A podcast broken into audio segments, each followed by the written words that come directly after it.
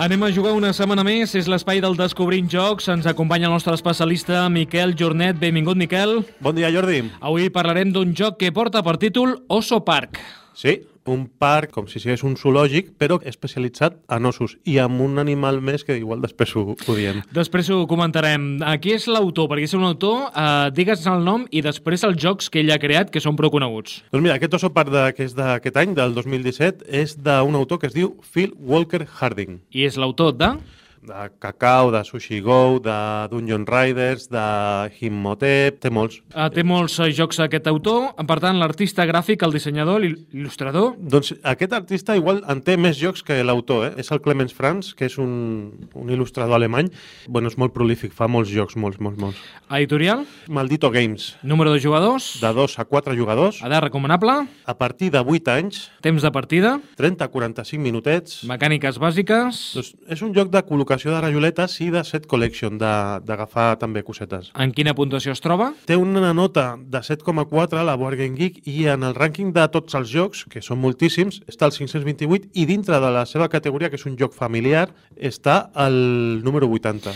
Doncs està, està molt bé. Uh, Miquel, a qui agradarà aquest joc? Bueno, el preu, primer hem de dir el preu. Sí, sí, surt per uns 29,95 en botigues. I... I a qui agradarà aquest joc? Doncs mira, agradarà a aquelles persones vingueres i no animalistes, perquè Oso Park recorda en alguns aspectes a quan marques un número d'un cartró de bingo, però aquí no són números i tampoc te'ls canten. Els has de veure tu i, i valorar quina és la millor de totes les opcions per seguir expandint el teu parc d'ossos i guanyar més punts al final de la partida. Doncs uh, aquest és el joc que, que proposem avui, que és Oso Park, i atenció, uh, llegim una miqueta, no? una miqueta d'introducció, uh, que és el que apareix en aquesta capsa del joc de Oso Park. Tu ciutat ha decidido construir un nuevo parque de osos y tú has sido contratado para construirlo.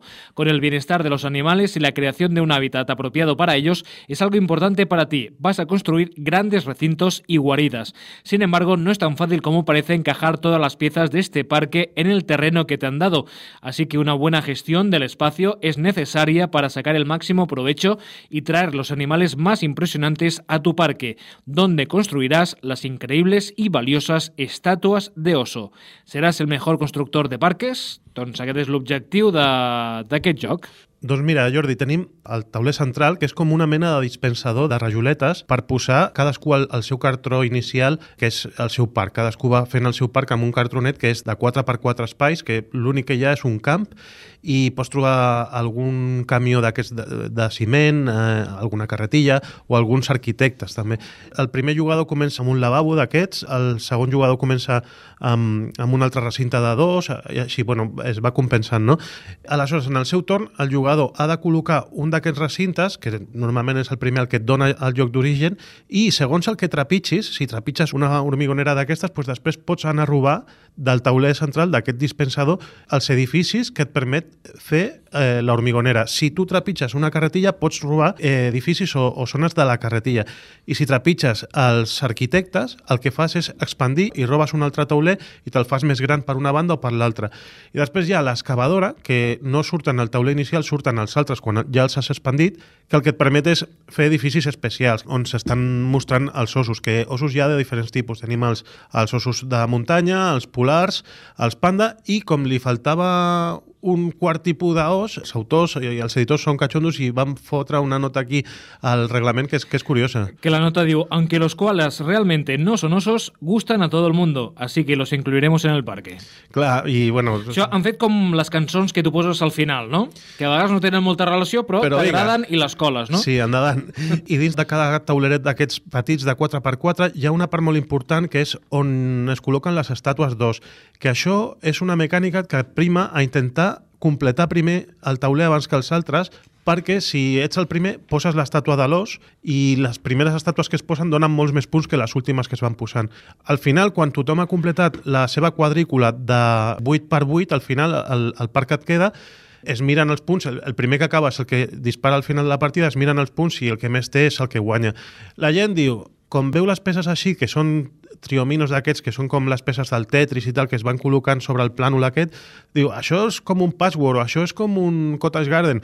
Sí, perquè s'assemblen les peces, però en realitat són mecàniques bastant diferents. Aquest és un joc que entra molt familiar i també eh, el dels animals agrada. El que passa és que per mi té un rerefons que al final el que estàs fent és un, és un parc zoològic que per mi ara en ple segle XXI, però això ja és un, una ideologia pròpia, eh, a mi m'agrada més veure els ossos a, en, en la natura. De fet, la cançó que posarem al final parla una mica d'això, no? De, de, de, per mi hi ha un circ amb, amb animals, per mi és retrògrad i, bueno, no sé, aquests valors també els s'anem traspassant amb els jocs que fem o amb els llibres que s'escriuen o, o amb tot.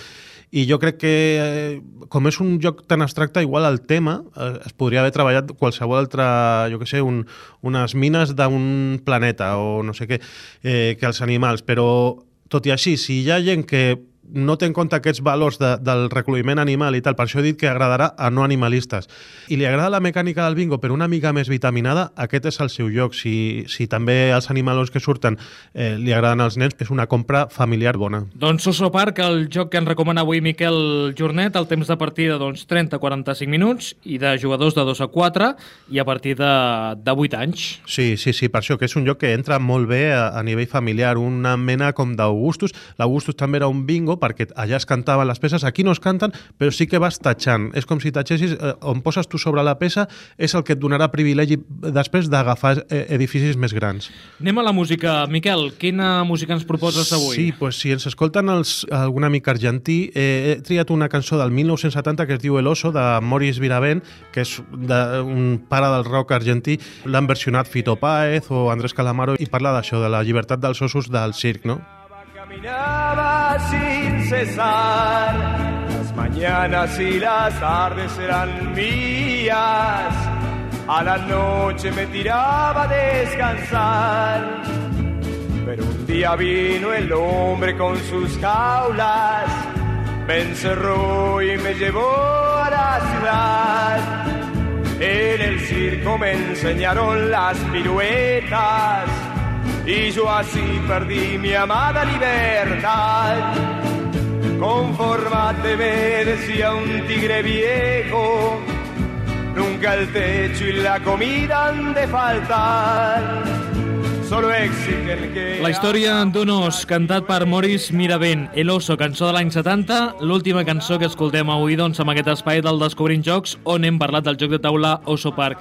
Miquel, fins la propera setmana. Aquí alguns argentins estan amb, amb la llàgrima, no? sí, sí, sí. Bé, de defineix el que has comentat abans. Sí, sí, una mica sí. Fins la propera, Miquel. Vinga, adéu. del todo de mis bosques, de mis tardes y de mí. En un pueblito alejado, alguien nos cerró el candado. Era una noche sin luna y yo dejé la ciudad. Ahora piso yo el suelo de mi bosque, otra vez el verde de la libertad. Estoy viejo, pero las tardes son mías. Vuelvo al bosque, estoy contento de